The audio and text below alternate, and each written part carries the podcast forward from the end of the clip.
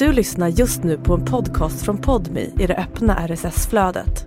För att få tillgång till Podmis alla premiumpoddar helt utan reklam, prova Podmi Premium kostnadsfritt. Ladda ner appen i App Store eller Google Play. Seriemördarpodden, Leonard Lake och Charles Ing, del 8. Den här serien är skriven av Eva Martinsson, Jenny Ekstrand och i det här fallet även av mig själv. Researchassistent har varit Sofia Odlesdotter och ljudsättning och klippning har gjorts av David Dava Persson. Om du gillar Harry Potter eller känner någon som gillar Harry Potter så lyssna på slutet av avsnittet ska jag prata lite mer om Harry Potter. Varning! Det här avsnittet är förvirrande eftersom Charles Ing ville att det skulle vara förvirrande.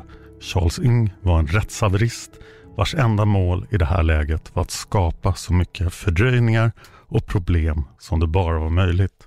Arbetet med det här sista avsnittet i sommarspecialen har varit extremt svårt och vi är fortfarande förvirrade.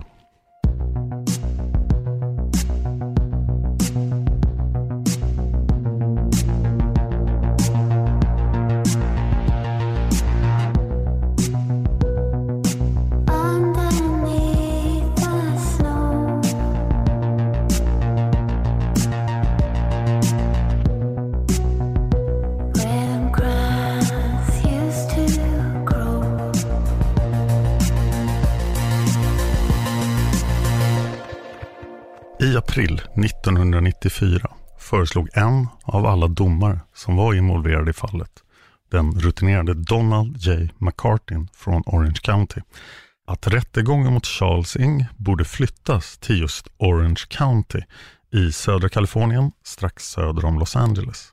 Vi har varit i Orange County förut i podden, till exempel i avsnitten om ER-ONS och i seriemördarpodden Premium när vi tog upp William Bonin och Randy Kraft. Det var också i Orange County The Bedroom Basher härjade och även The Night Stalker Richard Ramirez begick mord i Orange County.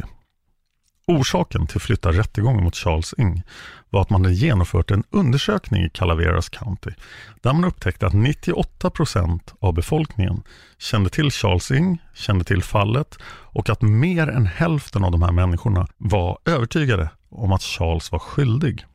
Domaren McCartin ansåg att Orange County var bättre lämpat att ansvara för rättegången eftersom Orange County hade en stor befolkning av asiatiskt ursprung.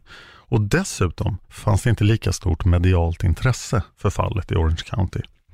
Efter att McCartin lagt fram sitt förslag klev han av Charles Ings rättegångscirkus och efterträddes av domare James Cleaver från Siskiyou County.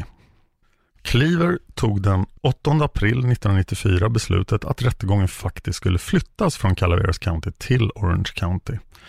Det var alltså ett avstånd på 62 mil. En av Orange Countys offentliga försvarare, Carl Holmes, uttalade sin tidning i mars 1995. Citat. Det här kommer att bli den dyraste rättegången i Kaliforniens historia. Holmes hade redan tidigare varnat rätten och Orange County att de skulle riskera att få stå för kostnaderna.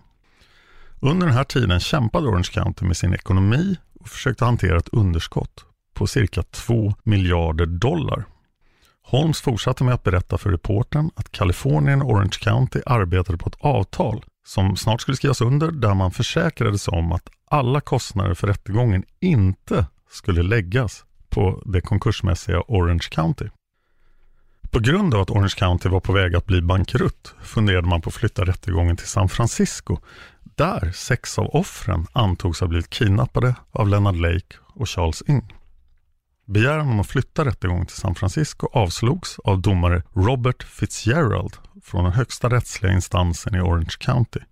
I och med flytten till Orange County blev Robert Fitzgerald ytterst ansvarig som domare i målet. Försvarsadvokaterna hade utöver begäran att flytta rättegången till San Francisco även lämnat in en motion där man ifrågasatte domare Fitzgeralds opartiskhet.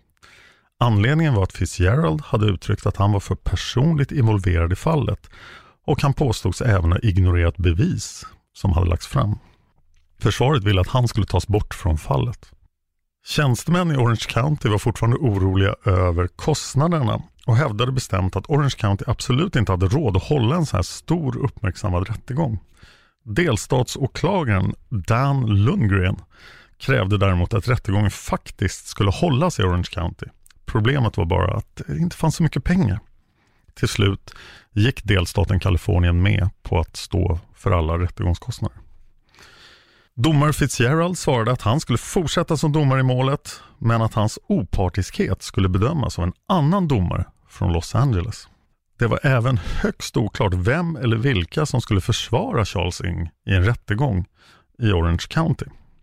Hans försvarsadvokater från förhandlingarna i Calaveras County, James Webster och Thomas Merovich, hade fått lämna sitt uppdrag. Förutom att Charles hade anmält dem för försummelse hade han även vägrat att ha någon kontakt med Webster och Merovich under flera månader. Under just den tid då de försökte förbereda sig för rättegången. Charles ville ha de San Francisco-baserade advokaterna Michael Burt och Garrick Lew och han krävde att de skulle ta över hans försvar. Men han blev djupt besviken. Istället utsåg domare Fitzgerald den offentliga försvararen William Kelly som skulle ha stöd av Lewis Clapp och James Mervyn och det var de här tre som skulle försvara Charles Ing. Försvaret leddes alltså av William Kelly. Han föddes i juli 1948 i San Diego. Han var inte alls intresserad av att bli advokat under sin barndom och tonår. Istället drogs han till hippierörelsen med fri kärlek och flower power. Efter att ha drivit omkring i USA och Kanada bestämde sig William Kelly för att ha dags att skaffa sig en karriär och började studera konst på University of California i San Diego. Efter sin examen började han arbeta som frilansfotograf men han kunde knappt försörja sig på uppdragen.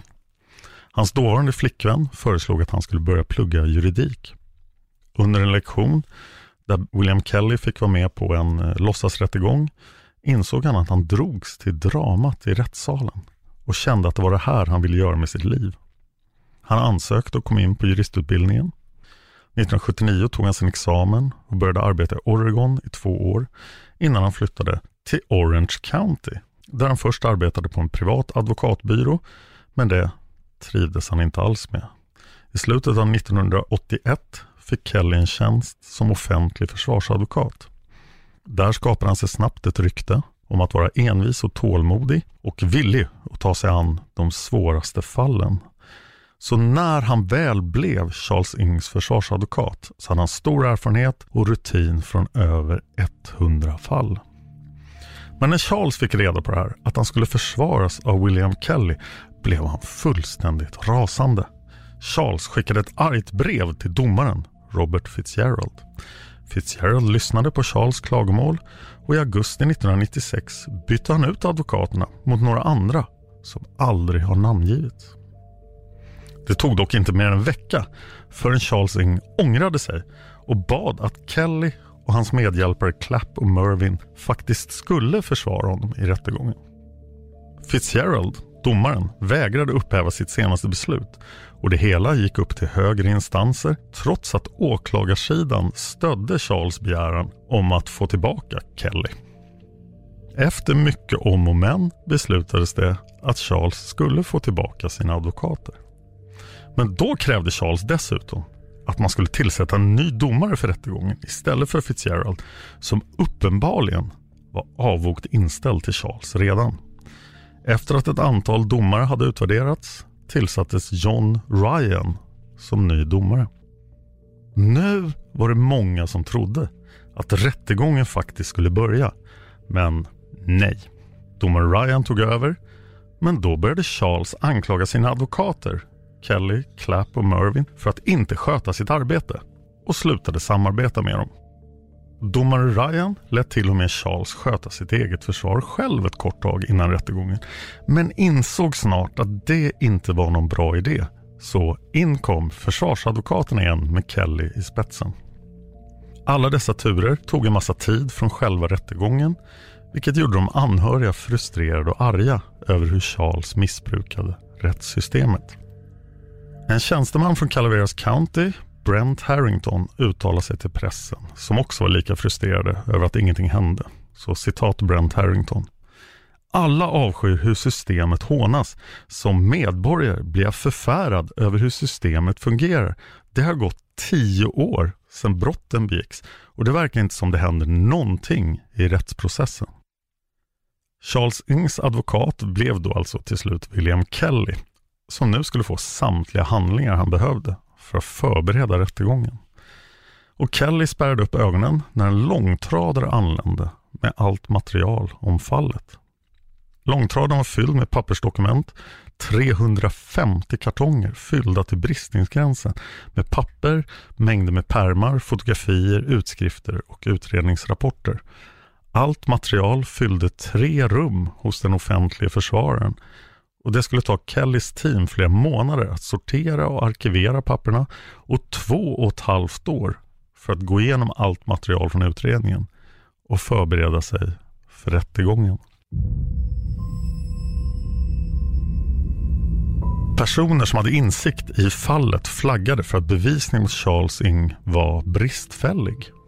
Det fanns inga ögonvittnen, det fanns inga fingeravtryck och inga fotavtryck, det fanns inga fibrer, det fanns inget blod som kunde peka ut Charles direkt som gärningsman. Visserligen kunde videoinspelningarna placera Charles på plats när morden på Kathy Allen och Brenda O'Connor skedde.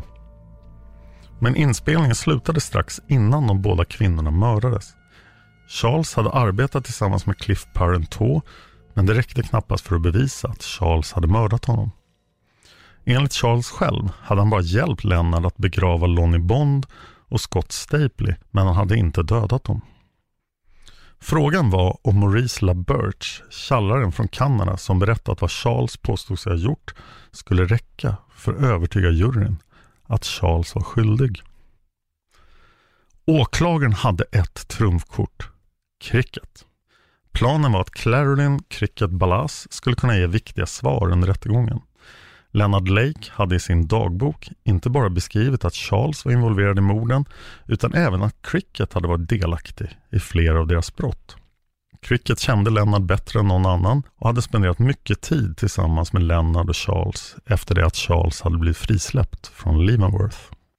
För att få Cricket att hjälpa till med det här hade åklagarna erbjudit henne en överenskommelse och Cricket var villig att samarbeta.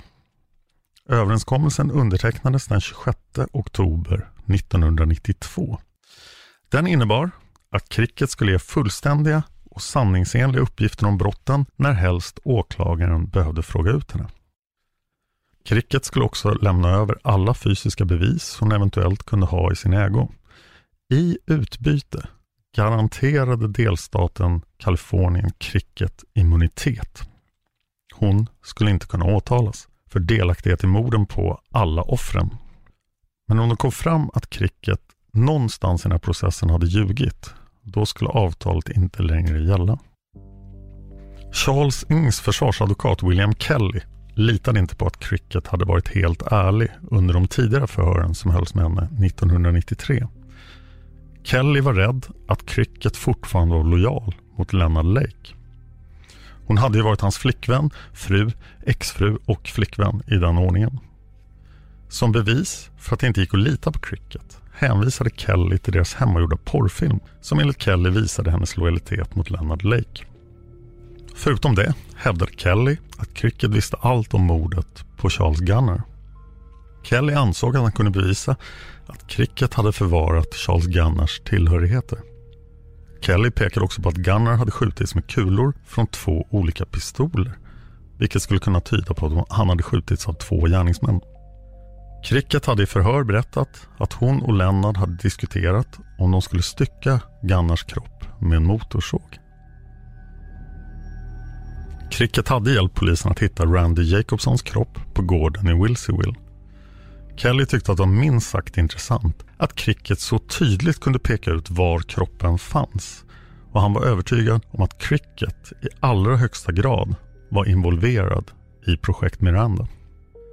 Så Kellys plan var att fullständigt diskreditera Cricket under rättegången. Det var ganska mycket att göra för William Kelly inför rättegången. Bland annat var han tvungen att bråka med Charles Ing. Charles ville inte alls samarbeta med sin advokat och försökte gång på gång sparka Kelly och hans medhjälpare. Kelly sa senare citat Det här var första gången under min 17 år långa karriär som advokat som en klient har försökt sparka mig tiotals gånger. Den kommande rättegången i Orange County skulle få än större betydelse när utredarna i San Francisco gjorde ett ödesdigert misstag under utredningen om mordet på Donald Giletti. Rättegången för mordet på Giletti skulle hållas i San Francisco efter rättegången i Orange County. Det fanns ett ögonvittne, Gilettis rumskompis, Richard Carassa. Carassa kunde dock inte helt säkert peka ut Charles, men det fanns ytterligare ett starkt bevis. Det fanns kulor från offrets kropp. Kulorna hade matchats med en pistol som kunde bindas till Charles Ng. I oktober 1997 fick åklagaren i San Francisco veta att de här kulorna tyvärr hade förstörts av misstag och var helt oanvändbara som bevismaterial. Charles Ng blev aldrig åtalad i San Francisco för mord. Head over to Hulu this March, where our new shows and movies will keep you streaming all month long. Catch the award winning movie Poor Things, starring Emma Stone, Mark Ruffalo, and Willem Dafoe. Check out the new documentary, Freaknik The Wildest Party Never Told, about the iconic Atlanta Street Party. And don't miss FX's Shogun, a reimagining of the epic tale, starring Anna Sawai. So, what are you waiting for? Go stream something new on Hulu. Hey, I'm Ryan Reynolds. At Mint Mobile, we like to do the opposite of what Big Wireless does. They charge you a lot, we charge you a little. So naturally, when they announced they'd be raising their prices due to inflation, we decided to deflate our prices due to not hating you. That's right. We're cutting the price of Mint Unlimited from $30 a month to just $15 a month. Give it a try at mintmobile.com slash switch. $45 upfront for three months plus taxes and fees. Promo rate for new customers for limited time. Unlimited more than 40 gigabytes per month. Slows. Full terms at mintmobile.com. mordet på Donald Giletti. Ett av nyckelvittnena som åklagarna Peter Smith och Charlene Honaka tänkte använda i rättegången var den tidigare nämnde fängelseinformatören Maurice LaBerge som lärde känna Charles Ing i fängelset i Kanada. Trots att jurymedlemmarna hade informerats om LaBerges bakgrund som yrkeskriminell och informatör åt fängelseledningen var åklagarna övertygade om att juryn skulle sätta tilltro till hans vittnesmål. Men Maurice LaBerge skulle aldrig sätta sig i vittnesbåset i domstolen i Santa Ana i Orange County. Klockan 23.30 den 19 maj 1998 körde LaBerge i sin Cadillac längs en mörk landsväg utanför Crossfield, en liten stad norr om Calgary. I sätet bredvid honom låg 23 800 dollar i kontanter och det var pengar han hade fått av vittnesskyddsmyndigheten i Kanada. I mörkret och på grund av sin höga hastighet hann inte LaBerge se en långsamtgående jordbruksmaskin som körde framför honom på vägen, utan han körde rakt in i den och sen av vägen. Maurice LaBerges liv slutade på en ödslig åker medan hans pengar virvlade runt hans döda kropp. Den kanadensiske polisen Raymond Monroe som hade arbetat med fallet Charlesing, skyndade sig till platsen där LaBerge hade dött. På grund av LaBerges rykte som informatör ville han undersöka om LaBerge kanske hade blivit mördad. Utredningen kunde dock snabbt avfärda den misstanken. Maurice LaBerges död var en olycka. Efter att tålmodigt ha lyssnat på alla motioner som Charles Ing och hans advokater lämnade in och som ständigt förhalade rättegången fick domare Jack Ryan nog och beslutade att det var dags att sätta igång med rättegången nu. Men det tyckte inte Charles Ing. För att ytterligare dra ut på förhandlingarna stämde Charles sina egna advokater på en miljon dollar för försummelse. Charles hävdade att Kelly och hans team var inkompetenta. Utöver stämningen lämnade han även in en motion om att han skulle få företräda sig själv men ångrade sig efter att domaren hade gett honom en veckas betänketid. En av domarna som avslog Charles Ings begäran om att få nya advokater gjorde följande uttalande, citat. Problemet är att vi mycket väl kan vara för gamla eller döda innan den här rättegången kommer igång. Charles Yng anmälde även delstaten Kalifornien för de dåliga förhållandena i fängelset Folsom Prison. I anmälan hävdade Charles bland annat att maten i fängelset var undermålig. Ett av klagomålen rörde ostpuffarna som serverades till Charles Ing. Ostpuffarna var alldeles för mjuka, hävdade Charles. Personalen på fängelset ertappade Charles med att gömma kartor, falska ID-handlingar och övrig utrustning för en längre tid på flykt. Charles hade ännu fler klagomål. Han lämnade in klagomål på fyra av de domare som hade tilldelats för att ta hand om fallet. Charles lämnade också in en mängd klagomål angående styrkan på hans glasögon, temperaturen på maten han serverades i fängelset och hävdade även sin rätt att få praktisera origami i sin fängelsecell. För tydligen var Folsom Prison negativt inställda till att låta Charles vika pappersfigurer. I ett sista försök att skjuta upp rättegången försökte Charles advokater hävda att Charles var psykiskt sjuk eller förståndshandikappad och de krävde att Charles skulle genomgå en sinnesundersökning, vilket han av oklar anledning inte redan hade genomgått. Det känns ju som att det hade funnits tid för det. Charles Eng protesterade, trots att en undersökning faktiskt skulle fördröja rättegången. Charles förklarade envist att han minsann inte alls var galen. Charles anförde till domare Ryan, citat Charles, Jag känner mig förrådd och bedragen av advokat Kelly. Rättegången bör skjutas upp eftersom Kellys motion om sinnesundersökning har gjort mig bedrövad och ledsen. Den har förvärrat min ångest och försvårat min förmåga att koncentrera mig. Det här är jobbigt för mig. Domare Ryan avslog advokaternas begäran om en sinnesundersökning. Ryan förklarade även för Charles, citat, jag ser dig och jag hör dig och det är inget fel på din mentala hälsa och förmåga. Domare Ryan var obeveklig. Nu skulle faktiskt rättegången börja. Men först måste en jury utses. Måndagen den 14 september 1998 var det äntligen dags att inleda arbetet med att utse en jury. En enorm folksamling som bestod av potentiella jurymedlemmar hade samlats i den 11 våningar höga rättegångsbyggnaden i Santa Ana i Orange County. Domare Ryan trodde inte att de flesta av jurykandidaterna skulle kunna delta i rättegången som beräknades ta mellan 9 och 12 månader. Därför beslutade han att över 3000 invånare från Orange County skulle kallas in för att utvärderas och sen skulle 12 personer väljas ut för jurytjänst. Torsdagen den 8 oktober 98, mitt under processen att välja ut jurymedlemmarna, lämnade försvaret in ännu en motion som stannade upp rättegången. För att behandla den här motionen var Charles Ing tvungen att närvara i rättssalen. Men just vad motionen handlade om har inte offentliggjorts. Charles Ing dök upp i rättssalen märkbart uppsvälld och blek i slacks, skjorta och tennisskor. Charles var nyklippt och med tjocka glasögon satt han först tyst på försvarets sida. Charles verkade nervös och började snart gnälla högt på Kelly och hans medhjälpare Clapp. Plötsligt vände sig Charles till domare Ryan och började skrika. Jag vill inte vara i det här jävla rummet. Jag vill inte ha en jävla rättegång. Jävla domare! Tre väktare omringade Charles och var på väg att brotta ner honom när domare Ryan stoppade dem och spände ögonen i Charles. Mr Yng, var snäll och lugna ner dig. Charles fortsatte att gnälla på sina advokater men höll sig lugn under resten av förhandlingarna. Men efter utbrottet satte sheriff Roger Hilton på Charles ett elektriskt bälte under hans skjorta. Hilton hade en fjärrkontroll. Om Charles skulle få ett utbrott igen var det bara att trycka på knappen så skulle Charles få en elchock genom kroppen som skulle få honom att lugna ner sig. Bältet var Charles tvungen att ta på sig under resten av förhandlingarna.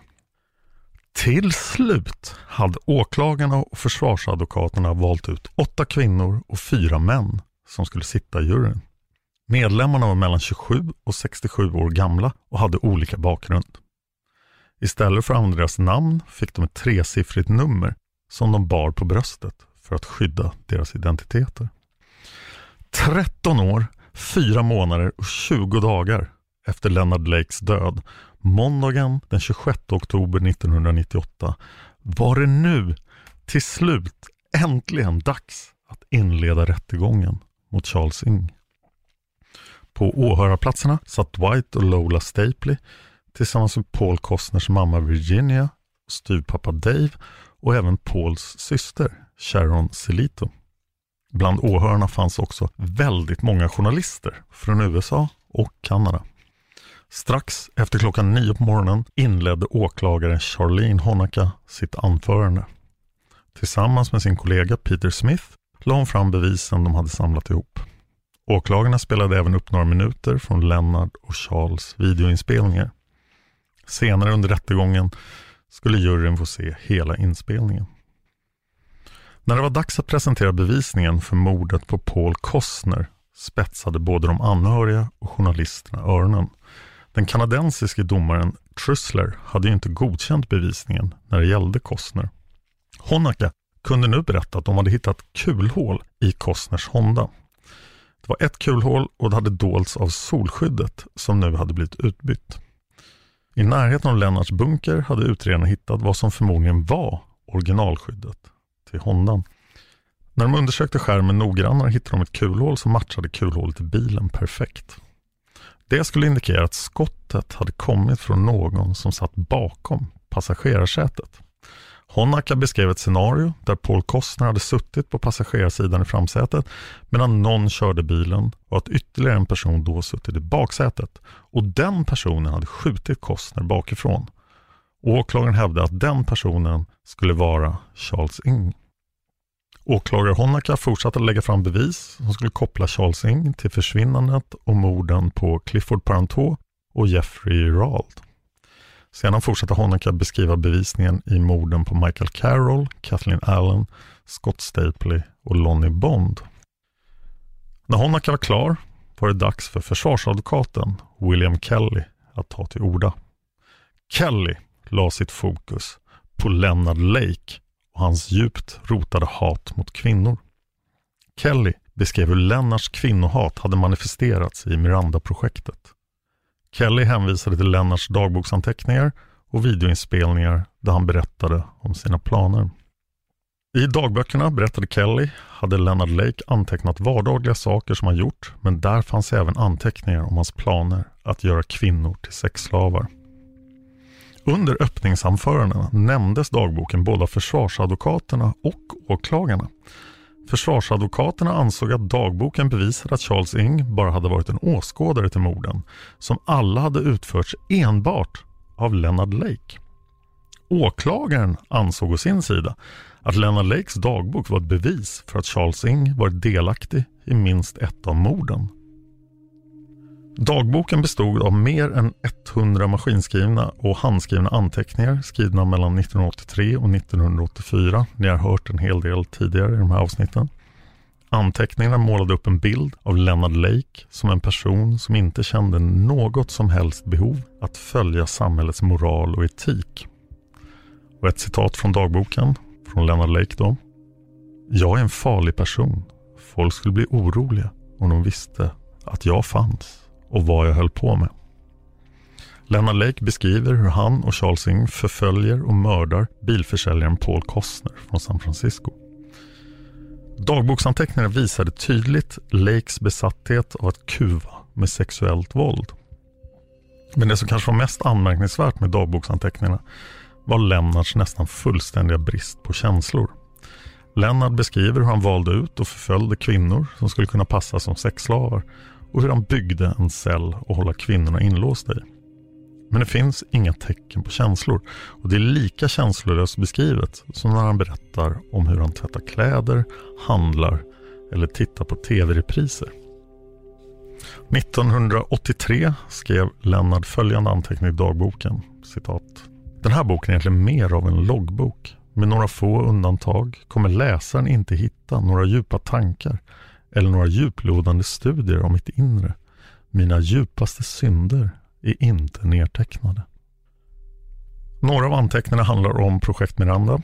Den 19 februari 1983 skrev Lennart Samlaren, åh samlaren, har jag verkligen haft den här fantasin i 20 år? I en anteckning från början av 1984 skriver Leonard Lake om hur han bygger bunkern i Wilsey Will, Calaveras County. citat. 1983 var året för Miranda. Jag började och gav upp i Humboldt County och började om här. Miranda är en underjordisk konstruktion som är tänkt att användas för 1. Erbjuda en plats där jag kan leva ut mina sexuella fantasier. 2. Ett säkert ställe för mig och min egendom. 3. Ge skydd från kärnvapenanfall. Lennart avslutar anteckningarna med att skriva att det är först när han kan börja andra rummet som han vet om det kommer att fungera som en bondagecell. Den 25 oktober 1984 skrev Leonard Lake Långsam dag, åkte till San Francisco. Funderar på en ny operation. Plundring, ID, fordon, beta. Tyvärr behöver jag Charlie. Och när han skrev beta så menade han mordoffer. Den 31 oktober 1984 skrev Lennart Ingenting idag. Spenderade dagen med att ringa och kolla upp potentiella OP. Ny beta, Honda Prelude med en ägare som skulle passa mig. 1 november 84. Ingenting idag. Ringde beta och kom överens om att betala 500 dollar imorgon kväll. Ska träffa Charlie och planera. Den 2 november 1984 träffade Charlie, utförde OP, fick för första gången motstånd. Misslyckades med att komma över koderna till kredit och bankkort. Körde till landet som avslutning. Avslutade Charlies skuld till mig. Anteckningen efter handlar om vardagliga saker och det är som att mordet på Paul Kostner aldrig har hänt. Till exempel den 4 november ägnade hela dagen åt att städa huset och ställa undan mina saker. Tvättade, handlade, tog hand om saker hemma. Skönt att vara hemma igen. Försvarsadvokat Kelly pekade ut Lennart som mördaren och att Charles Ingvar var ett redskap för hans planer. Och dessutom, hävdade Kelly, var Charles helt under Leonard Lakes kontroll. Efter att både åklagaren och försvarsadvokaten hade lagt fram sina argument avslutades den första rättegångsdagen. Dagen efter, tisdagen den 27 oktober, ställdes förhandlingarna in på grund av att en av jurymedlemmarna hade blivit sjuk. Onsdagen den 28 oktober tvingades domaren Jack Ryan att låta två av jurymedlemmarna avsluta sitt uppdrag. En av männen var sjuk och maken till en av kvinnorna i juryn hade avlidit under natten mellan tisdag och onsdag. De ersattes av två kvinnor som fanns i en reservpool på sex personer. Nu bestod juryn av nio kvinnor och tre män. Domare Ryan vände sig till juryn och sa citat Jag beordrar er alla att hålla er friska. Den 28 oktober satte sig polisen Irene Brunn i vittnesbåset. Brunn berättade om hur hon hade gått igenom Paul Costners Honda efter att den hade hittats övergiven på San Francisco International Airport efter att Leonard Lake hade tagit sitt liv och Charles hade försvunnit. I bilen hade Brunn hittat en gasräkning som gällde en fastighet i Wilseyville och den var adresserad till Clarolyn Ballas, alltså Cricket. Tack vare Ryan Reynolds here from Mint Mobile. With the price of just about everything going up during inflation, we thought we'd bring our prices down. So to help us, we brought in a reverse auctioneer, which is apparently a thing. Mint Mobile unlimited premium wireless. Ready to get 30, 30, bit to get 30, bit to get 20, 20, 20, bit to get 20, 20, bit to get 15, 15, 15, 15 just 15 bucks a month. So, Give it a try at mintmobile.com slash switch. $45 upfront for three months plus taxes and fees. Promo rate for new customers for limited time. Unlimited more than 40 gigabytes per month. Slows. Full terms at mintmobile.com. räkningen lyckades Brun hitta Cricket och hon hade gått med på att möta polisen i Wilsonville. Och där hörde ni om i avsnitt 6. Efter Brun var det dags för Larry Copland. Ja, han heter så. Det var en polis från Calaveras County. Han skulle avlägga sitt vittnesmål. Copland fick redogöra för hur han tillsammans med sina kollegor hade hittat kropparna efter Maurice Rock, Randy Jacobson och en oidentifierad amerikansk man. Alla tre hade hittats nedgrävda i ett dike. Flera år senare hade de också hittat Charles Gunnars kvarlevor i närheten. Copland berättade också om betongbunkern som fanns på gården, hur den såg ut. Och han fortsatte med att beskriva hur de hittade videobanden som var märkta med M-Ladies, Kathy, Brenda.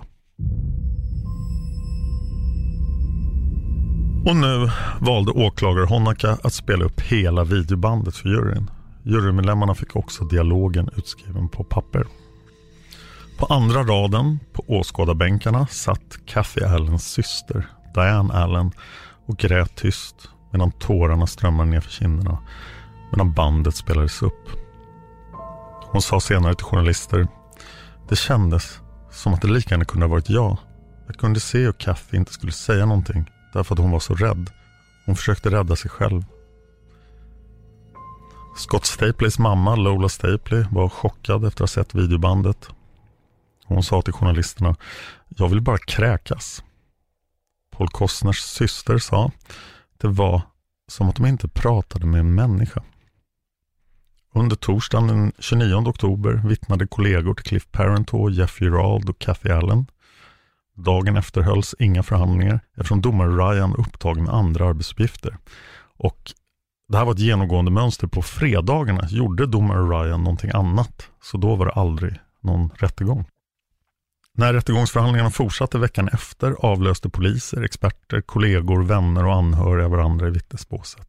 Och alla hade kallats in av åklagarna. Den 16 november 1998 klev den kanadensiske polisen Raymond Monroe upp i vittnesbåset. Eftersom Maurice LaBerge hade dött i bilolyckan blev det Munro som fick berätta om teckningarna som LaBerge hade fått av Charles under tiden de satt tillsammans i fängelset. Åklagare Honaka visade upp teckningarna en efter en för juryn. En av jurymedlemmarna skrev senare, citat, De där teckningarna gjorde mig illamående. Jag fick kämpa mot tårarna. Jag klarade inte av att äta lunch med de andra jurymedlemmarna. Jag ville bara vara ensam. Munro berättar också om LaBerts kriminella förflutna och läser sedan upp LaBerts skriftliga vittnesmål om vad Charles hade berättat för honom. Charles Ings advokat William Kelly valde att trycka på LaBerts kriminella bakgrund och framförallt att LaBerts var dömd för sexbrott. Åklagarens sista vittne var en handstilsexpert. Handstilsexperten fick bland annat frågor om teckningarna som Charles hade ritat och han kunde bekräfta att texten på bilderna var skrivna av Charles men han kunde inte säga vem som hade ritat figurerna. Och sen blev det Thanksgiving. Det är en stor högtid i USA, så paus på rättegången och de körde igång igen den 30 november 1998 som var en måndag. Och nu var det dags för försvarsadvokaten William Kelly och hans kollegor att kalla in sina vittnen. Kelly började med att kalla in åtta personer. Bland annat Lennarts syster Silvia, en manlig kusin som inte finns namngiven, Lennarts första fru Karen och några av de kvinnliga bekanta som Leonard Lake hade haft genom åren. De fick i tur och ordning berätta om Leonard Lakes barndom och ungdomsår. Kelly ställde många frågor om Leonard Lakes utsvävande sexliv, hans intresse av att fotografera kvinnor, helst nakna, hans besatthet av boken Samlaren och hans starka kvinnohat. Även Charles Gunnars exfru Wiki fick vittna om Lennarts märkliga beteende.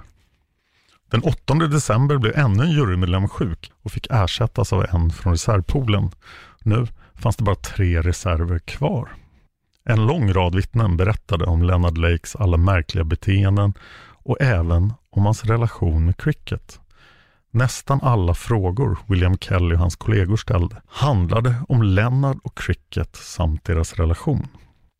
Torsdagen den 17 december 1998 blev den sista rättegångsdagen för året.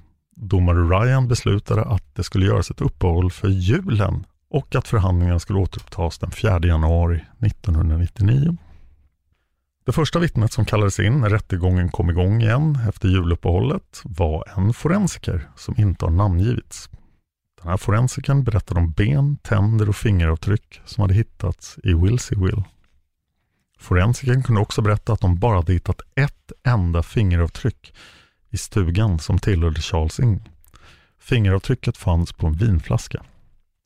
Juryn la inte så mycket vikt vid den detaljen eftersom rättsteknikerna bara hade lyckats hitta två fingeravtryck från Cricket trots att Cricket hade bott i stugan och varit i stugan väldigt många gånger. Nu började fokus riktas allt mer mot den misstänkte Charles Ing. Charles faster Alice kallades in som vittne och berättade hur hon hade gett Charles 400 dollar för att åka på semester 1985. Mark Novak, som hade tjänstgjort tillsammans med Charles på Hawaii, berättade om hur han hade sammanfört Leonard Lake och Charles Ing. Till slut var det äntligen dags att kalla Cricket till vittnesbåset. Intresset för rättegången ökade och det var fullsatt i rättssalen när Cricket klev in. Hon var klädd i ett par svarta byxor, en mörk blus och guldbågade glasögon. Hennes mörka hår var kortklippt. Efter att hon hade svurit eden satte hon sig ner i vittnesbåset. Charles försvarsadvokat William Kelly läste upp delar av avtalet som Cricket hade skrivit på för att få immunitet. Kelly fortsatte med att läsa upp namnen på de tolv offren. Sen tog han en kort paus innan han med klar röst sa Inga frågor. Det här var en noga genomtänkt rättegångsstrategi av William Kelly. Genom att läsa upp avtalet blev det diariefört till rättegångshandlingarna och då hoppades Kelly att juryn skulle få intrycket att Cricket kanske dolde någonting om fallet och hur mycket hon faktiskt visste. Eftersom Kelly inte ställde några frågor blev det svårt för åklagaren att korsförhöra Cricket. Cricket fick alltså lämna vittnesbåset utan att svara på en enda fråga till åskådarnas stora besvikelse. Hon hade nu fått immunitet, kunde inte åtalas men hade inte bidragit med någonting alls till rättegången. Crickets exakta roll i händelserna har aldrig klargjorts. Torsdagen den 7 januari vittnade bland annat San Francisco-polisen Ed Erdelatz.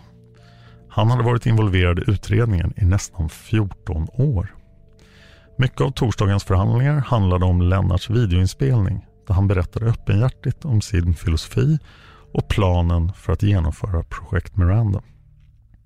Den kanadensiske butiksväktaren Sean Doyle som hade varit med och gripit Charles i Kanada 85 fick vittna om hur han hade tagit fast Charles när han hade snattat i butiken. Och även två kanadensiska poliser fick vittna om det gripandet. Måndagen den 11 januari nåddes alla i rättssalen av nyheten att William Kellys pappa hade gått bort under helgen. Domare Ryan beslutade att det behövdes en paus och att rättegången skulle återupptas tisdagen den 19 januari. Den 25 januari 1999 lämnade Charles in ännu en motion. Han ville nu, helt överraskande, sparka sina advokater på grund av att de gjorde ett dåligt jobb och också för att de inte lät honom vittna. Domare Ryan lyssnade tålmodigt på Charles begäran men avslog den. Åklagarna, Honaka och Peter Smith valde att dela upp slutpläderingarna då de sammanfattade bevisningen mot Charles Ing. Honaka gick igenom bevisningen för morden på Deborah och Harvey Dubbs, deras lille son Sean Dubbs, Paul Costner, Clifford Parentaugh och Jeffrey Gerald. Peter Smith fick sammanfatta bevisningen för morden på Kathleen Allen, Michael Carroll, Scott Stapley, Lonnie Bond, Brenda O'Connor och deras lille son Lonnie Bond Jr. Precis som i början av rättegången visade Honaka delar av videoinspelningarna. När det var dags för försvaret att lägga fram sin slutplädering krävde plötsligt Charles Ing att han skulle få vittna. Och domare Ryan gick med på det.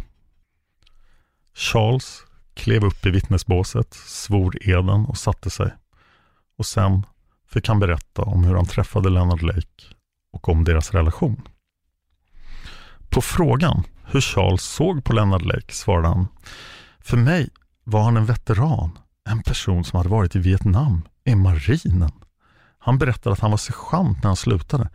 Så han var en person som var typ högre rang än vad jag var. För mig var han en patriot som hade kämpat för sitt land. För mig var Lennart en person som visste mycket om till exempel att ta hand om en gård och om historia och om geografi. Vi hade också ett gemensamt intresse om marinen. Det brukade vi prata om. Charles berättade också att han kände en stark lojalitet mot Lennart, så citat, därför följde jag hans råd och respekterade hans åsikter. Charles fick också frågor om sin relation med Maurice LaBerge. Charles nekade till allt LaBerge hade berättat om honom för fängelseledningen och den kanadensiska polisen. Efter att Charles hade fått vittna var det dags för Charlene Honecker att göra en ny slutplädering inför juryn. Hon sammanfattade Charles vittnesmål och sa citat Ingenting är någonsin Charles Ings fel. Han lägger alltid skulden på någon annan. Han var inte alls under Leonard Lakes kontroll Han kunde fatta sina egna beslut. Och nu var åklagarnas och försvarsadvokaternas arbete över. Nu var det dags för juryn att fatta ett beslut. Tisdagen den 23 februari 1999 låstes dörrarna till rättssalen upp och snart var hela salen fylld med människor. När alla hade satt sig klev tolv jurymedlemmar in i salen och satte sig på sina platser.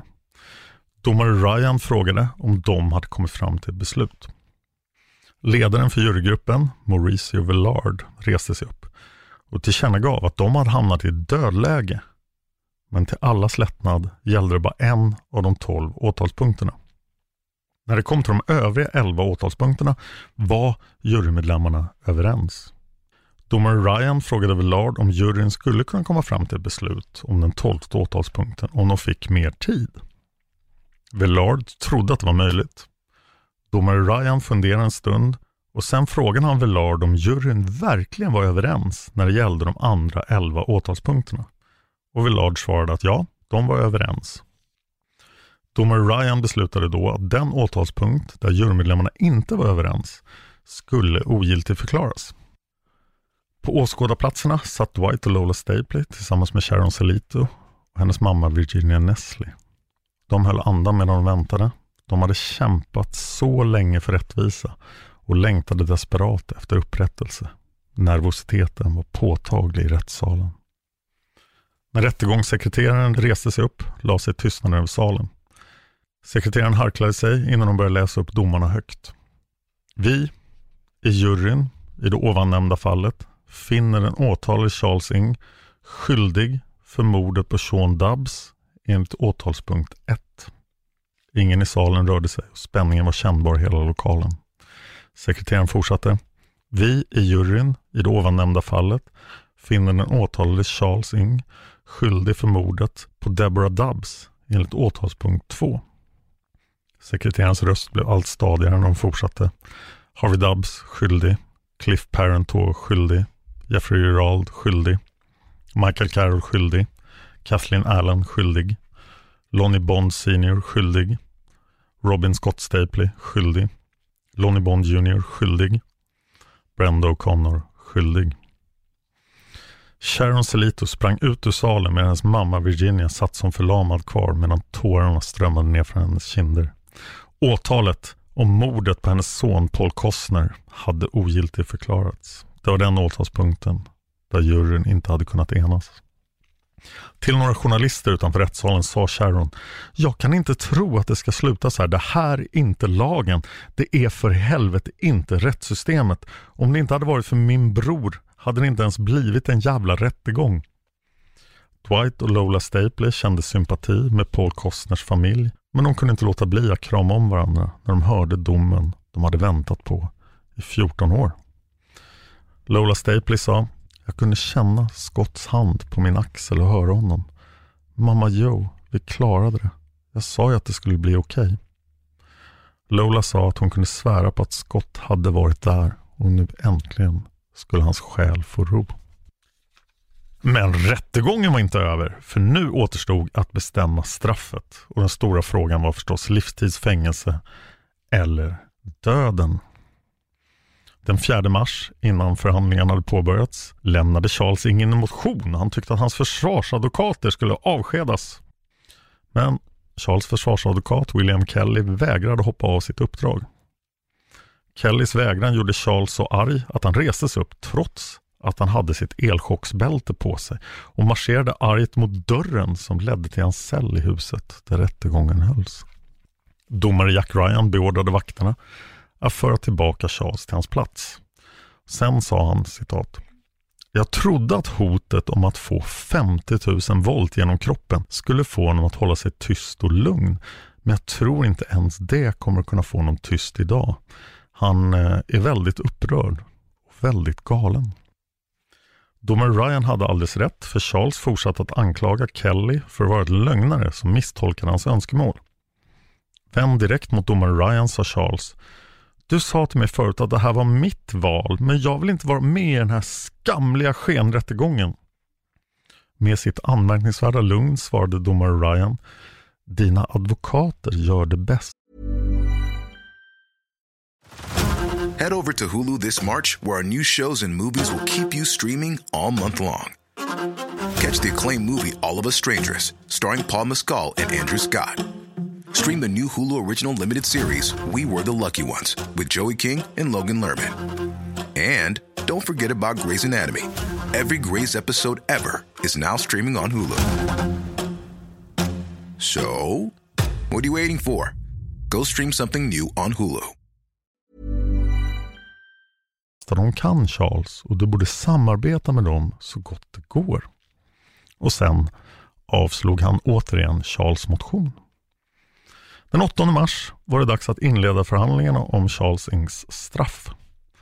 Rättssalen fylldes snabbt av anhöriga och vänner till offren med undantag av Sharon Selit och hennes mamma som inte längre fanns på plats. Åklagare Peter Smith inledde med att gå igenom bevisningen och yrkade på att Charles Ing skulle dömas till döden. Och det hör till saken att det här var 1999 och då var en kalifornisk dödsdom inte samma tomma hot som det är idag. Ingen tror idag att Kalifornien ska hinna avrätta till exempel Joseph DeAngelo, alltså Earons.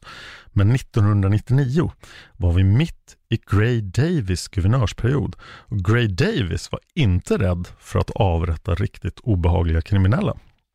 I februari 1999 hade en asiat vid namn Yaturon Siripongs avrättats för två mord. Gray Davis skulle sammanlagt avrätta fem fångar under sina fyra år vid makten innan han överlämnade giftsprutan till Arnold Schwarzenegger. Fem fångar under fyra år är dock ganska lite jämfört med till exempel delstaterna Virginia, Oklahoma eller Texas. Sen kom den kanske mest känslomässiga delen i rättegångsförhandlingarna. Det var dags för anhöriga till offren att kliva upp i vittnesbåset för att berätta om hur brotten hade påverkat deras liv. Först ut var Sharon O'Connor, Brendas mamma. Medan Peter Smith försiktigt frågade ut Sharon syntes en bild på Brenda med sin lille son Londy Bond Jr i sin famn på en tv-skärm i rättssalen. Med gråt i rösten berättade Sharon om hur de brukade hälsa på sin dotter och hennes lilla familj. Hur söt lille Lonnie var. Och Sharon sa, citat, han brukade följa efter sin morfar och kröp överallt i huset. Morden har slitit sönder min familj, men vi har lyckats hitta tillbaks till varandra. Senare var det dags för Scott Staples mamma Lola Staple att sätta sig i vittnesbåset. I famnen höll hon ett stort fotografi av Scott. Med tårarna strömmande ner för kinderna sa hon Han brukade kalla mig mamma Joe men han berättade aldrig varför. Hon berättade att hon hade gått hos psykolog och terapeuter under tre år för att kunna hantera sin sorg. Den 12 april 1999 gjorde William Kelly en lång utläggning om att det var Leonard Lake som var hjärnan och den som hade utfört morden. Kelly menade att Charles på grund av sin beroende personlighetsstörning inte hade kunnat dra sig ur Leonard Lakes planer. Kelly tog upp pappans misshandel som exempel. Han sa Trots att Charles Ing blev slagen och bunden av sin far var han helt lojal mot sin pappa. När han inte hade sin pappa behövde han någon annan som kunde styra hans liv. Först försökte han med marinen, men de gav honom inte den ledning han behövde. Men sen träffade han Leonard Lake som gärna tog sig an honom. Efter sin utläggning kallade Kelly in psykiatrikern Dr. Stuart Gratian. Gratian hade studerat Charles Ings fängelsejournaler och berättade under sitt vittnesmål att Charles Ing var ett klassiskt fall av beroende personlighetsstörning, även kallat osjälvständig personlighetsstörning. Och enligt Karolinska institutet är beroende personlighetsstörning en affektiv störning kännetecknad av ett trängande och överdrivet behov att bli omhändertagen förenat med underkastelse och separationsrädsla. Personlighetsstörningen börjar tidigt i vuxen ålder och kan ses i olika sammanhang. Gresham noterade att Charles aldrig hade visat något våldsamt beteende eller gjort några allvarliga försök att rymma trots att Charles hade varit utsatt för en hel del psykiskt och fysiskt våld i fängelset. När åklagare Honaka började korsförhöra Gratian avslöjade hon att psykologen inte hade sett videobanden. Honaka ansåg att Gratian därför inte kunde uttala sig om hur Charles Ing behandlade kvinnor. Även några av fängelsevakterna från Folsomfängelset fick vittna om vilken mönsterfånge Charles Ing var när han inte klagade på sina ostpuffar. Den 19 april kallade Kell in psykologen Dr. Abraham Nivod. Nivod pratade inför rätten i nästan två dagar om Charles beteende i videofilmerna och även om de här teckningarna han hade gjort i Kanada. Nivog ansåg att det han såg i filmerna och i teckningarna styrkte Dr. Grashians diagnos. Nivod ansåg att Charles speglade Lennarts agerande under inspelningarna. Efter att vittnesmålen var avklarade, åklagaren och försvarsadvokaten hade gett sina slutpläderingar och då skulle juryn påbörja sitt arbete att gå igenom bevismaterialet. Men då hände någonting märkligt. En av jurymedlemmarna som alls var anonyma var Karen Barrett. Hon väntade hemma i sin bostad på att de andra i juryn skulle vara redo att ge sin dom när hon fick ett telefonsamtal. Och i luren hördes en okänd mansröst som sa är det Karen Barrett jag pratar med? Förvånad svarade Karen Ja, det är det.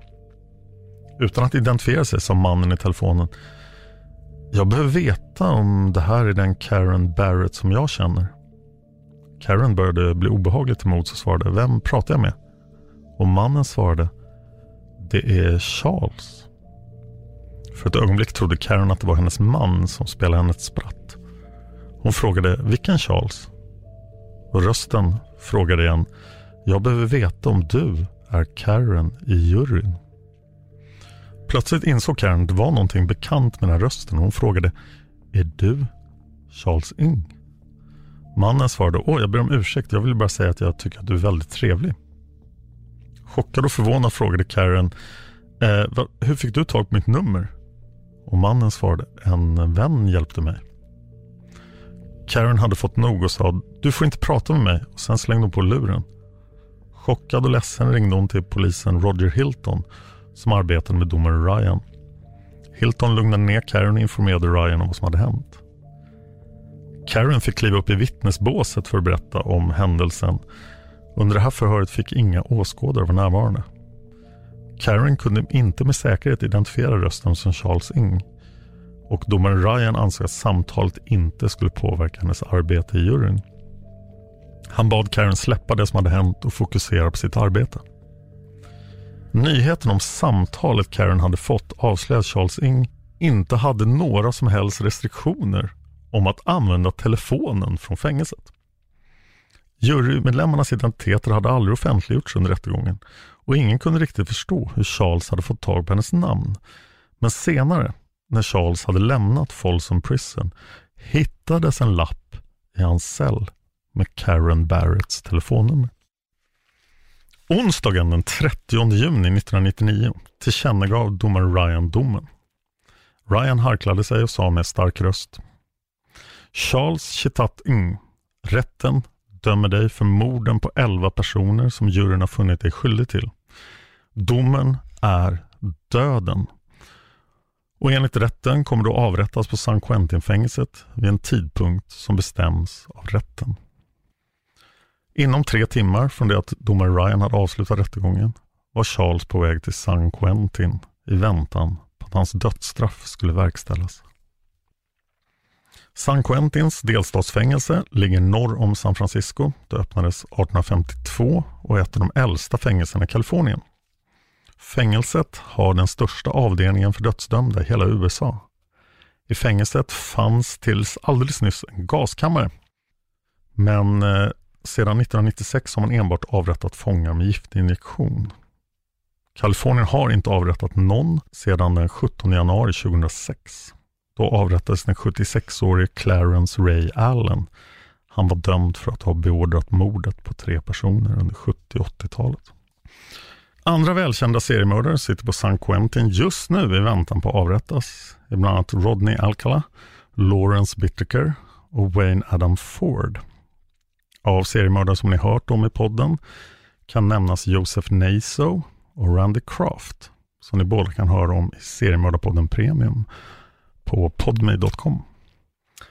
Det gjordes uttalanden av juridiskt sakkunniga 99 som sa att de trodde att det skulle ta 13 till 16 år innan dödsdomen skulle verkställas. Scott Staples föräldrar Lola och hennes man Dwight har följt Charles Ing på heltid för att se till att han får det straff han förtjänar. Lola var orolig att hon inte skulle leva tillräckligt länge för att få se Charles Ing äta sin sista måltid. Men hennes man Dwight sa till henne att eh, du är för envis för att dö. När rättegången var över var rättegången mot Charles Ing den dyraste mordrättegången i Kaliforniens historia. Den hade kostat mer pengar än rättegången mot O.J. Simpson. Men den absolut dyraste rättegången i Kalifornien och USAs historia var McMartin Preschool Trial. En hemsk historia som vi inte ska gå in på här. Vi vet nästan ingenting om vad som har hänt Charles Ing efter 1999. Han sitter fortfarande på Death Row i San Quentin. Han har garanterat överklagat. Men oavsett hur det gick så räddades Charles Ing 2019 av Kaliforniens guvernör Gavin Newsom. För Gavin Newsom har nyligen bestämt att giftinjektioner är olämpligt, ska inte användas i Kalifornien. Han har rivit gaskammaren som även var giftinjektionskammare och han har lovat att ingen kommer att avrättas under hans guvernörsperiod. Men han har inte släppt någon dödsdömd fånge fri. Det har publicerats en lista i juli 2019 över de dödsdömda i Kalifornien. Och på den listan finns Charles Ing med, så han sitter fortfarande på Death Row. Vi har försökt ta reda på vad som hände med chefetiken Wubon och med Sir Lancelot, gethörningen. Men vi har inte hittat några uppgifter om det. Förmodligen tog Otter väl hand om Sir Lancelot och han dog lycklig efter ett långt liv som populär gethörning på medeltidsmarknader. Om Sir Lancelot levde ett genomsnittligt getliv blev han 15 till 18 år gammal och dog någonstans på 90-talet. Men med mig nu har jag Jenny Ekstrand som har lite mer information om cricket. Hej Jenny! Hej! Hej! Eh, jo, eh, cricket, alltså Clara Lynn eh, Ballas. Eh, det finns lite oklara uppgifter om vad som hände med henne. Men det vi tror oss veta är att hon bor i Kalifornien. Eh, hon har gift sig med en man som antingen är tandläkare eller läkare. Och hon har bytt till efternamnet Kessler, som kallar sig för Lynn Kessler. Eh, de har minst ett barn och idag är hon 62 år gammal. Ja, så hon var en av de som klarade sig bäst i den här historien kan vi Ja. lätt säga. Ja. Hur känns det att vara klar med Leonard Lake och Charles Ing? Det känns faktiskt skönt. De här långa serierna, de, de tar på krafterna, även om det är jätteintressant att gräva djupt.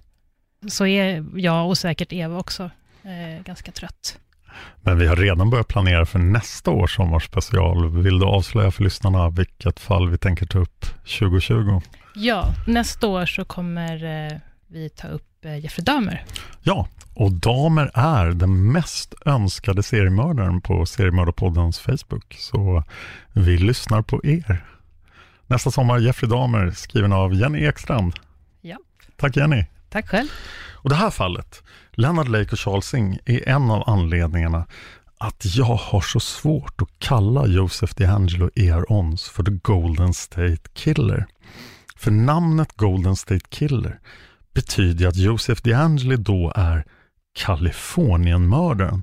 Men Kalifornien är fullt av folk som är värre än E.R. Ons. Inte ens äcklet Leonard Lake skulle kvalificera som Kalifornienmördaren, hur man än räknar. Går man på antalet offer är det förmodligen Randy Kraft som vi gjorde i seriemördarpodden Premium avsnitt P36 och P37 som är The Golden State Killer. Men om man går på hur hemska morden är så är det nog Lawrence Bittaker som kommer i nästa avsnitt av seriemördarpodden. Förbered er på någonting fruktansvärt när vi tar upp Toolbox Killers i två avsnitt. Och nu tänkte jag prata om Harry Potter. Jag gör en annan podd som heter Hard Nerd Café med Anna Erlandsson, nörd med E. Och där tar vi upp olika nördiga ämnen. Men nu, hösten 2019, tänker vi starta en Harry Potter-serie. Så vad vi kommer att göra är att läsa böckerna, se filmerna och prata om dem. Men vi vill också ha era synpunkter. Så om ni gillar Harry Potter, om ni har läst Harry Potter och Vise Sten och Harry Potter och Hemligheternas kammare, de två första böckerna, så vill jag ha era synpunkter på dem. Och på filmerna. För att lämna dem så gå in på Hard Nerd Café, nörd med E, på Facebook och där finns det instruktioner för hur ni ska göra. Seriemördarpodden finns på Facebook. Jag finns på Twitter och Instagram, heter Dan Hörning, lätt att hitta. Jag vill tacka alla som sponsrar Seriemördarpodden på Patreon.com.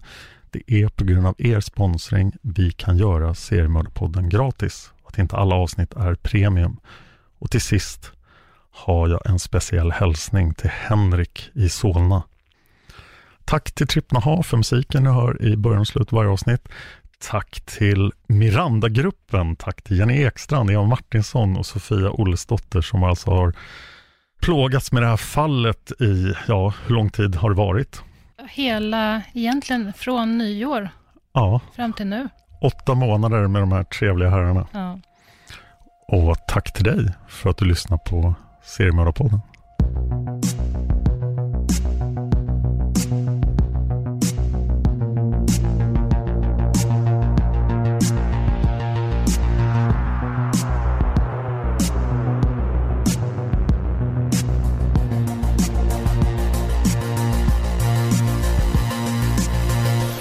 Produceras av I Like Radio. I like radio.